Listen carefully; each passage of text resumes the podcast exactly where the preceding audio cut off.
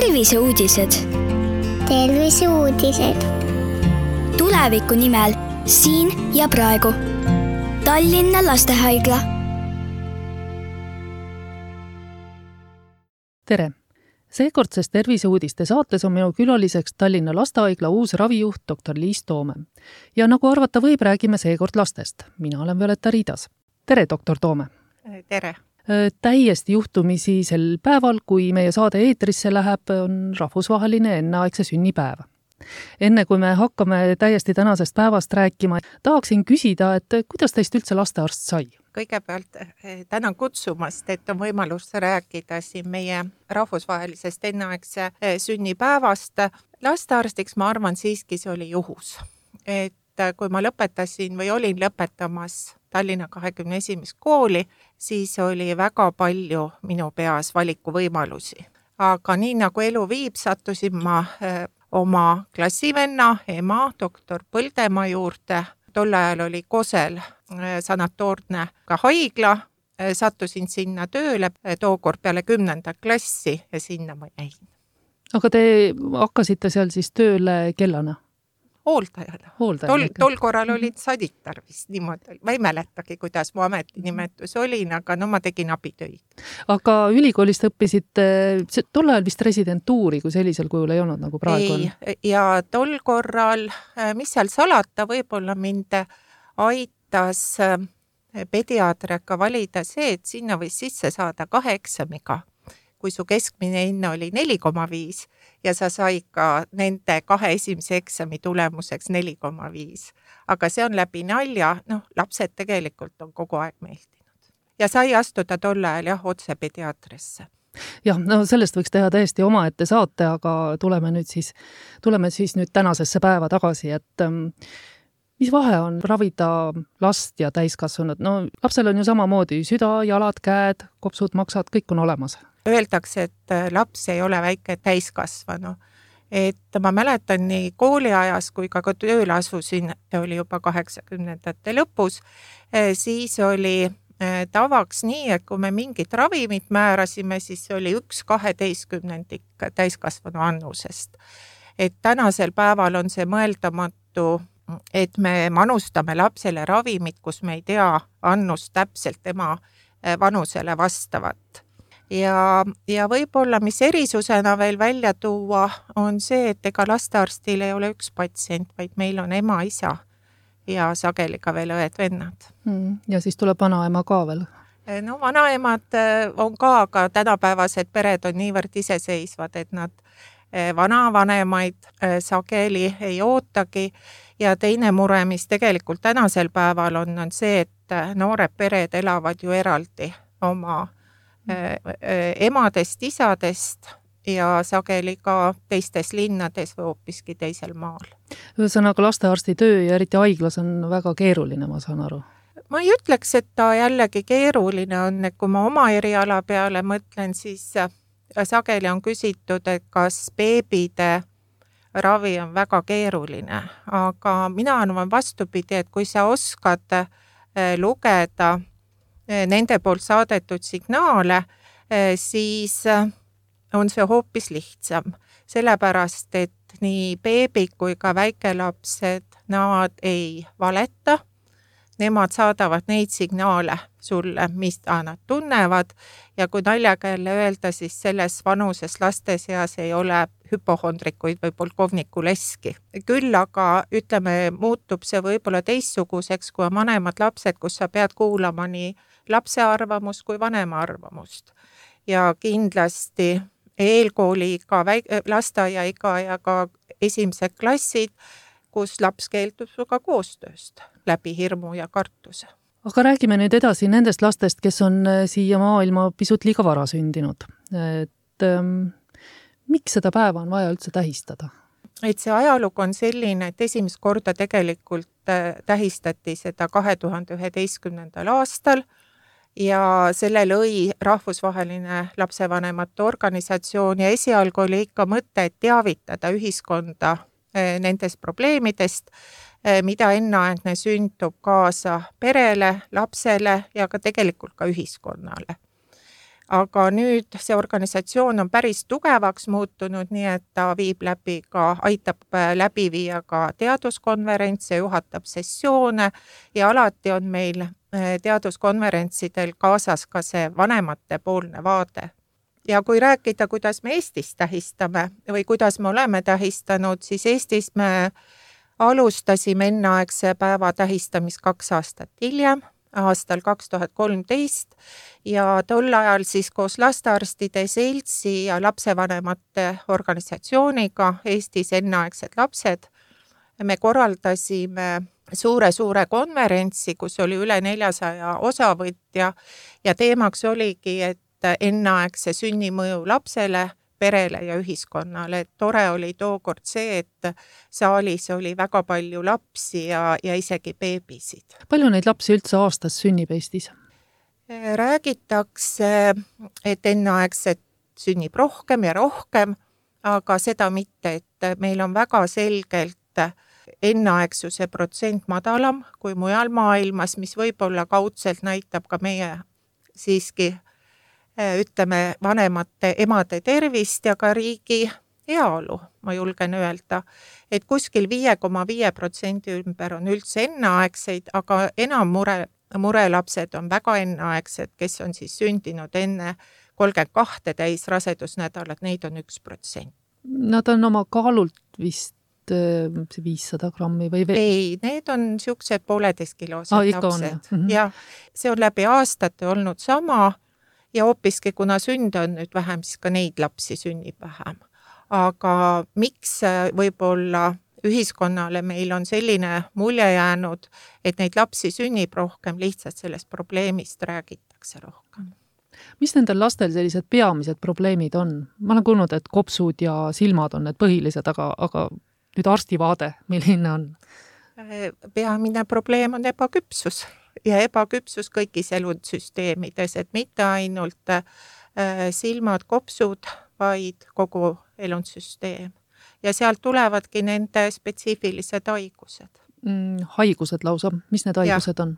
haigused ongi, et äh, ütleme, hingamishäired, siis spetsiifiline silmahaigus, hingamishäired meil või on ägedad, võivad ka krooniliseks minna. Sool on ebaküps, spetsiifiline soolehaigus, ajuverevarustus on ebaküps, seal võivad tekkida nii verevalumik kui ka äh, vastupidi, siis niisugused verevaesed äh, piirkonnad mis ja... sai enam-vähem, aga, aga veel palju probleeme mm. -hmm. aga teie juures saavad nad siis enamasti kõik abi, et eh, neid nii-öelda edulugusid on ikkagi valdav enamus? Eh, no ma arvan, et siin on kogu Eesti meditsiin taga, et nii sünnieelsed meeskonnad kui ka sünnijärgsed meeskonnad kogu pakutav abi ja jällegi ka ikkagi naiste tervis, ma julgen ütelda, on sedavõrd parem, et et laste elulemus on kordades tõusnud ja me oleme Eestis läbi viinud päris palju uuringuid laste kahe aasta vanuses, laste viie aasta vanuses. no kas me nüüd jõuame ka varsti koolieas uuringuteni ja meie ravitulemused on tunduvalt paranenud ja samas me oleme läbi viinud, osalenud õigemini ka rahvusvahelistes uuringutes lühidalt nende uuringute nimed olid EPIS ja SHIPS, kus oli siis üheksateist erinevat Euroopa piirkonda üheteistkümnest maast ja me vaatasime, ütleme nii-öelda Ida-Euroopa poolt oli ainult Poola ja ka noh, meie. aga, ja meie olime ainukene maa siis, mis võttis nagu äh, kogu riigi andmed kokku kokku või kogu maa andmed kokku. ja kui me saime võrrelda siis juhtivate Euroopa maadega, siis meie tulemused, laste hiline tervisetulem kahe ja viie aasta vanuses oli pigem parem Euroopa keskmisest mm, ja see tuleb siis, ähm, kas meil on paremad arstid, parem tehnika või on meil mingisugune süsteemne noh, näiteks see, et, et ema ja isa saab olla lapsega koos seal isegi enneaegsega või, või millest see tuleb siis? Äh, ma arvan, et üks asi on siin Eesti väiksus. et kui me midagi muuta tahame, et siis on seda kindlasti kergem muuta kui suurel maal. et meil piisab, spetsialiste on vähe, meil piisab paarist koosolekust, paarist arutelust, kus saab võtta uued, täiesti uued ravisuunad. ma arvan, et äh, see on peamine ja kui me perekesksest ravist praegu räägime, on, on Eesti läbi aegade olnud niisugune perekeskse ravi lipulaev kogu maailmas, et kui me päris ajaloos tagasi läheme, siis kaheksakümnendad meie haiglas, Tallinna Lastehaiglas olid ju emad koos lastega, jah, see oli teine aeg ja isade külastamine oli keelatud, et sest oli Nõukogude Liidu süsteem, aga üheksakümnendad tõid väga suured muudatused kogu ütleme, sünnitusabis ja ka e, e, vastsündinute, vastsündinute ravis. perekeskne ravi ei ole selline nagu pehme ilus asi, millest me räägime, vaid on ka tõesti ära näidatud teadusuuringutega seda, et kui eriti väga enneaegse lapse või üldse enneaegse lapse puhul me kaasame ravisse kohe nii hooldus- kui raviotsustusprotsessidesse kohe lapsevanemad, siis ravitulem nii lapse tervisele äh, kui ka vanema vaimsele tervisele ja hea, pere heaolule on tunduvalt parem. Ja tänasel päeval ma julgen ütelda, kui me nüüd ei räägi mitte ainult Tallinna Lastehaiglast, vaid üldse Eestis, siis äh, on pea kõigis haiglates on loodud perepalatid ja on perekeskne äh, lähenemine äh, ma nii palju veel küsiks nende enneaegsete kohta, et ähm, nad on ju, kui nad on väga enneaegsed, nad ju alguses on ikkagi ainult kuvöösis. või saavad nad siis ka olla niimoodi ema süles kaisus? tänase enneaegse päeva motoks, igal aastal on oma moto ja ongi, et nahk-naha kontakt igale vastsündinule ja kõikjal. et, et see sõltub äh, lapse seisundist loomulikult, aga ega kui ka laps on siis selles niinimetatud küvöösis, saab ta seda ju võtta ka sealt emapõue ja mm -hmm. teha äh, nii-öelda känguru meetodit ja see vist on ka Eestist läinud? ei, ei ole, see ei, ei ole Eestis ole. välja mõeldud? see ei ole Eestis välja, see on äh, Kesk-Ameerika riigist, kus enneaegsuse, enneaegse sünni protsent või osakaal oli väga suur kõikidest äh, sündidest, et on maid, kus see on tunduvalt üle, kui ma ütlesin, et Eestis on viis koma viis protsenti, siis seal on üle kümne kuni viisteist protsenti on on maid.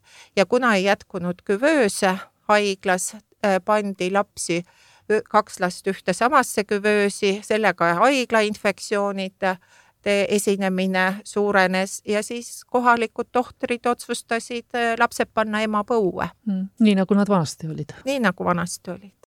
enneaegsete laste söömine, see ei ole päris mm. niisama lihtne, et, et selleks ajaks vist ei ole emadel ka rinnapiima veel tekkinud ju väga oluline on, kuidas enneaegse lapse toitmist alustada. ja äh, reeglina toimub see äh, sünnitusmajades, aga kõige pisemad ja õrnemad ja ka seedetrakti väärarendite ja nendesamade spetsiifiliste enneaegse soolehaigustega lapsed jõuavad lastehaiglasse. ja äh, oluline on siin alustada äh, emapiimaga toitmist aga teinekord on need situatsioonid, et ema on hoopis veel teises haiglas äh, või emal ei ole veel rinnapiima.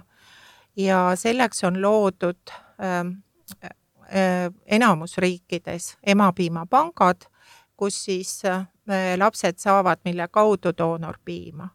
et selline esimene emapiimapank on loodud Eestis üle kümne aasta tagasi Ida-Tallinna Keskhaiglas aga kuna rahvusvahelised nõuded ja üldse seisukoht on, et äh, nii-öelda beebisõbralik ja perekeskne saab ikkagi olla see haigla, kus on oma emapiimapank, äh, siis äh, sellel aastal see on jälle meie panus enneaegse päeva tähistamiseks koos Selveri, peamiselt Selveri toetusrahadega oleme siis lõpetamas praegu emapiimapanga loomist. Ja emapiimapank on selline ütleme, mitte kuluefektiivne ettevõtmine ja selleks, et ka seda kasu laiemalt saaks erinevad lapsed, mitmed lapsed ja siin ei ole mitte ainult enneaegsed, vaid võivad olla ka ajalised lapsed, kellel on näiteks soole väärareng või operatsioon.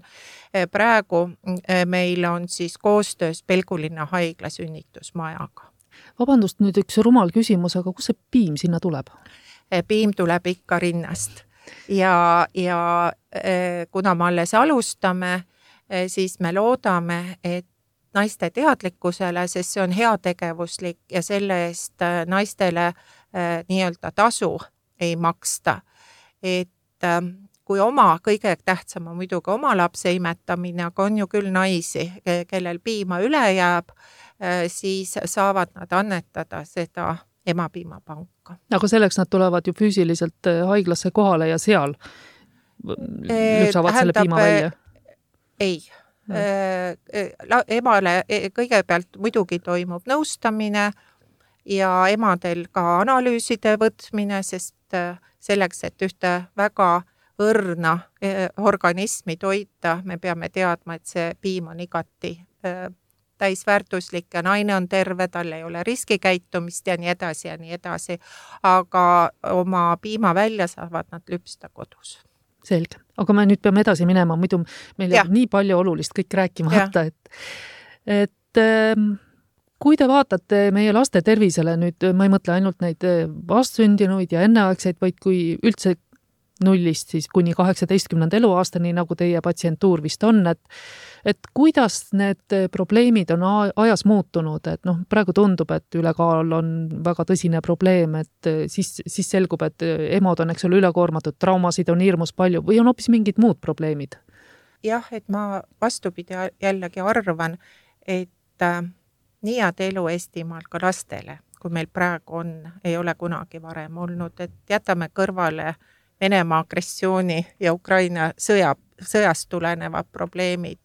et ähm, äh, ma julgen öelda, et meie lapsed siiski on tervemad ja kui ma mõtlen enda töötatud äh, aastaid, ütleme üheksakümnendatest, äh, siis väga paljud haigused on tegelikult kadunud, näiteks need, mida on võimalik ennetada vaktsineerimisega. ja ma tahan Tänu... kohe vahele segada, meil ju vaktsineerimise protsent ju langeb Harjumaal kogu jah, aeg. langeb et ju me hakkame, võimalik, et me hakkame neid haigusi uuesti nägema, aga punetiste vaktsineerimisega kadus ära nii-öelda rasedusaegne loote punetiste kahjustamine, mida mina oma elus olen näinud. millega Enne... see lõppes? Äh, lapsed olid äh, äh, nägemiskahjustusega, kuulmiskahjustusega, ajukahjustusega väga,, väga-väga raske kahjustusega. tänu jälle vaktsineerimisele on ära kadunud hemofiilus meningiit ehk siis teatud bakterist tingitud ajukelmepõletik. jällegi hea, äh, ütleme, vitamiinide andmisega me enam ei näe rahiiti ehk D-vitamiini vaegust. et kui ma jällegi alustasin, siis me naersime, et kevade kuulutajateks meil olid nii-öelda õitsva rahiidiga ja krampidega haiglasse saabuvad lapsed. me ei näe enam veritsustõbe.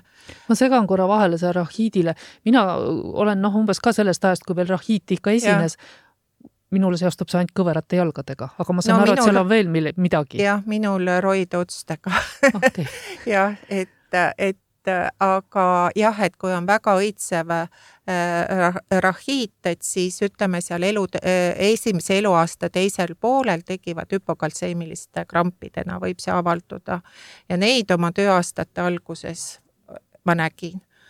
nüüd, kui veel mingeid näiteid tuua, et ka K-vitamiini manustamine sünnijärgselt, millest paljud ka tahavad loobuda, viimastel andmetel üle kahesaja lapse aastas ka veritsustõbe me enam ei näe vastsündinul, see on esimesel, ütleme, elunädalal. me ei näe enam kromosomaalseid haigusi, sellepärast et rasedusaegne uurim, uuringud, skriiningud rasedatel, noh, need katkestatakse. aga teisalt, nii et see haigluste ampluaa on väga muutunud, aga teisalt on meil uued probleemid ja noh, üheks on need ülekaalulised lapsed, aga ütleme jah, et uuringud ja Tervise Arengu Instituudi andmed näitavad, et ligi kolmandik koolilapsi, aga need, ütleme nüüd selle ülekaalulisega kaasnevad need probleemid tulevad veel teravamalt hilisemas vanuses välja. et mida me haiglas näeme ja mis pea lastehaigla, no ma ei ütle, et igas valves, aga on laste vaimse arengu probleemid ja suitsiidikatsed, tütarlaste ravimite äh, söömine suitsiidi eesmärgil, narkosõltus, alkoholiprobleemid Mm. ja võib-olla veel üks asi, mida esile tuua, on autoimmuunhaiguste esinemissagedus tõus üheksakümnendatest ja kõige paremaks näiteks on siis esimese tüübi diabeet, mida omal ajal nii sageli ei olnud. põhjuseid on palju, põhjused on ebaselged, aga üheks selliseks teooriaks on liigne puhtus. et äh, liigne steriilsus, et võib-olla tuleb tagasi minna loomadega koos elama ja seda siis juba kohe sünnijärgselt ja, ja ka võib-olla need väga tihedad aknad, kus loomulik ventilatsioon puudub, ei ole kõige paremad. siin oli mingil ajal juttu ka vegan vanematest, et kui palju te neid lapsi näete, kui tõsised need probleemid on? või on nad nüüd teadlikumaks saanud, et kui sa ühest toidugrupist loobud, sa pead seda millegagi asendama?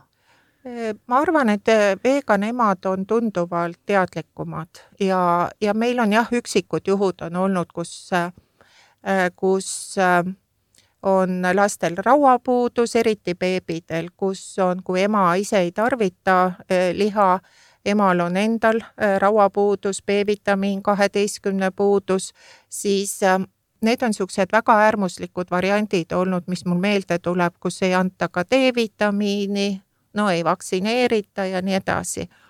et äh, üldiselt äh, veganlus on ju tõusvas trendis ja emad on üha teadlikumad, aga seda me rõhutame küll, et äh, laps on ikkagi kõigesööja, teisest elupoolaastas ka beebi. Ja, ja liha on väga oluline lapse toidus.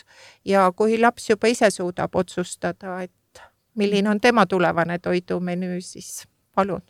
Jah, siis on juba teine, teine teema aga ma olen kuulnud, et lastehaiglas on siin viimasel ajal, noh, ühesõnaga me rääkisime juba sellest perekesksusest ja nüüd tuli ka see teema juurde, et saab lapsevanem minna operatsioonisaali välja koos lapsega, et, et ma mäletan, kui ma ka oma lapsega käisin, siis oli küll niimoodi, et ta sai tablette, et ta ma, maha rahuneks, siis ta luges mul silmi, pärast silma, seitsmendat silma ütles, et emme, ma olen vist nüüd sassis.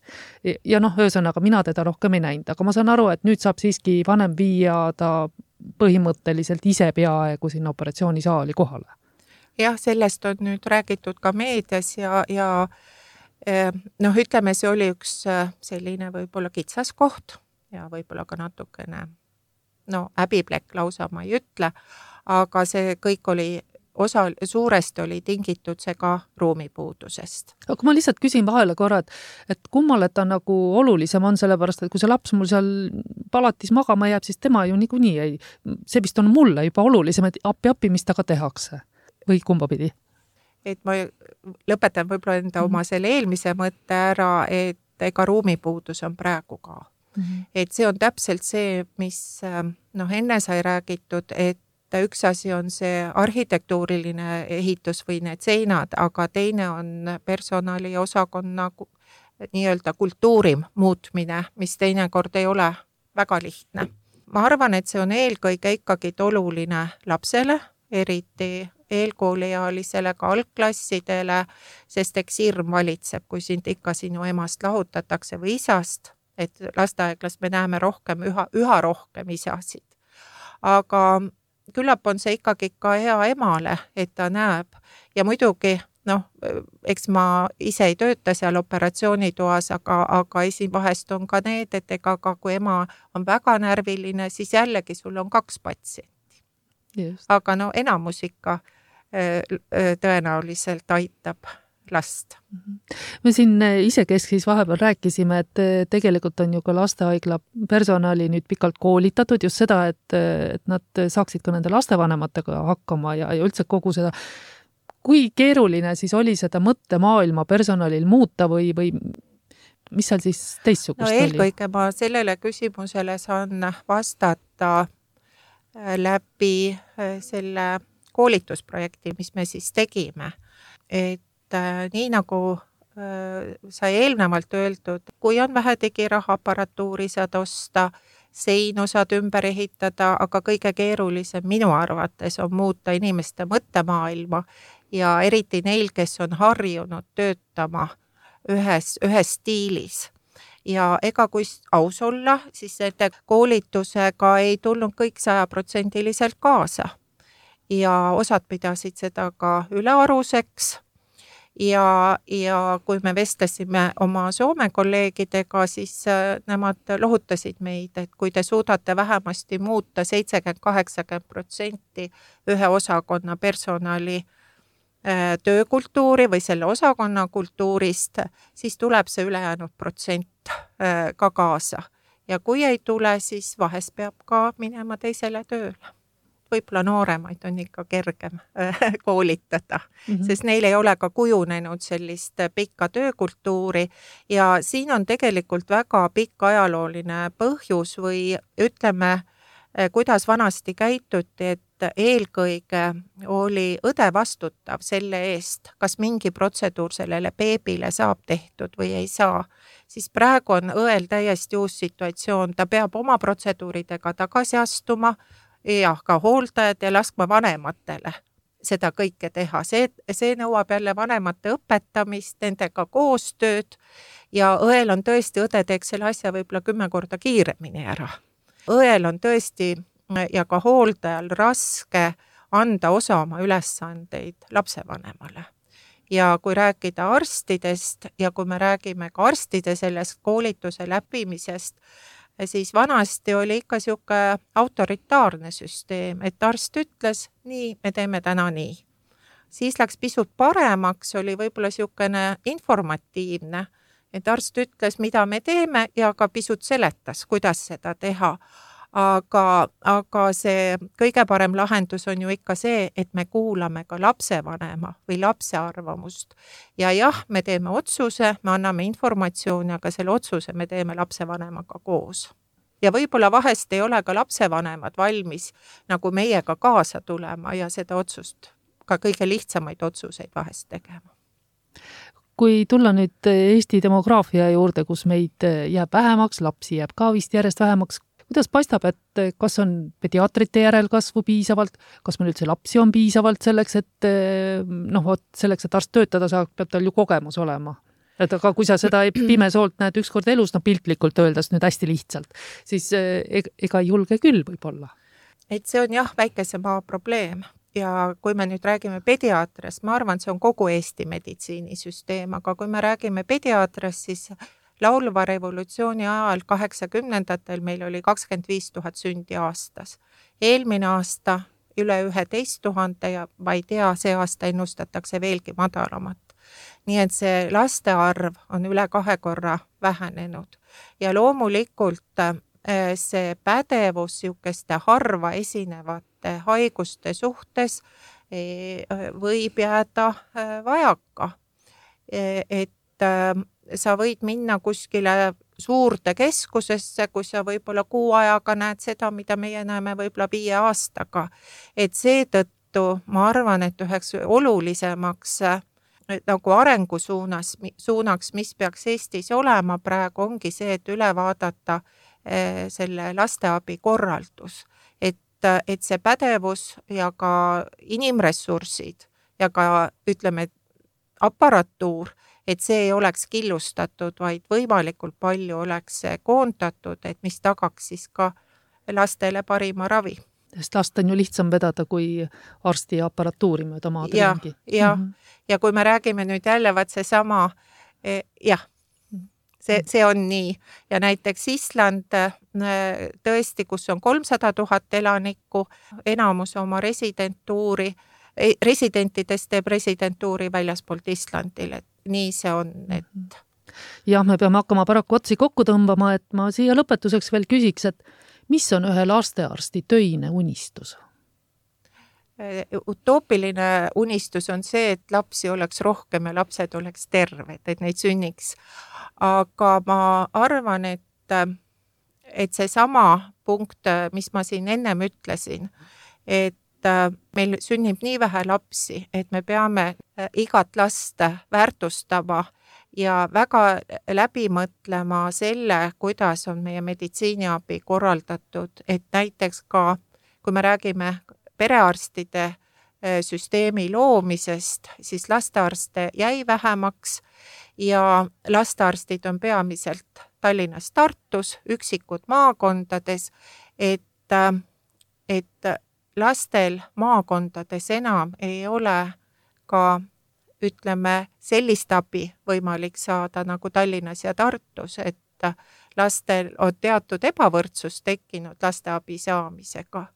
et võib-olla esile seaks just selle lasteabi maakondades ja üleüldse eh, pediaatrilise abi koondamine terves riigis.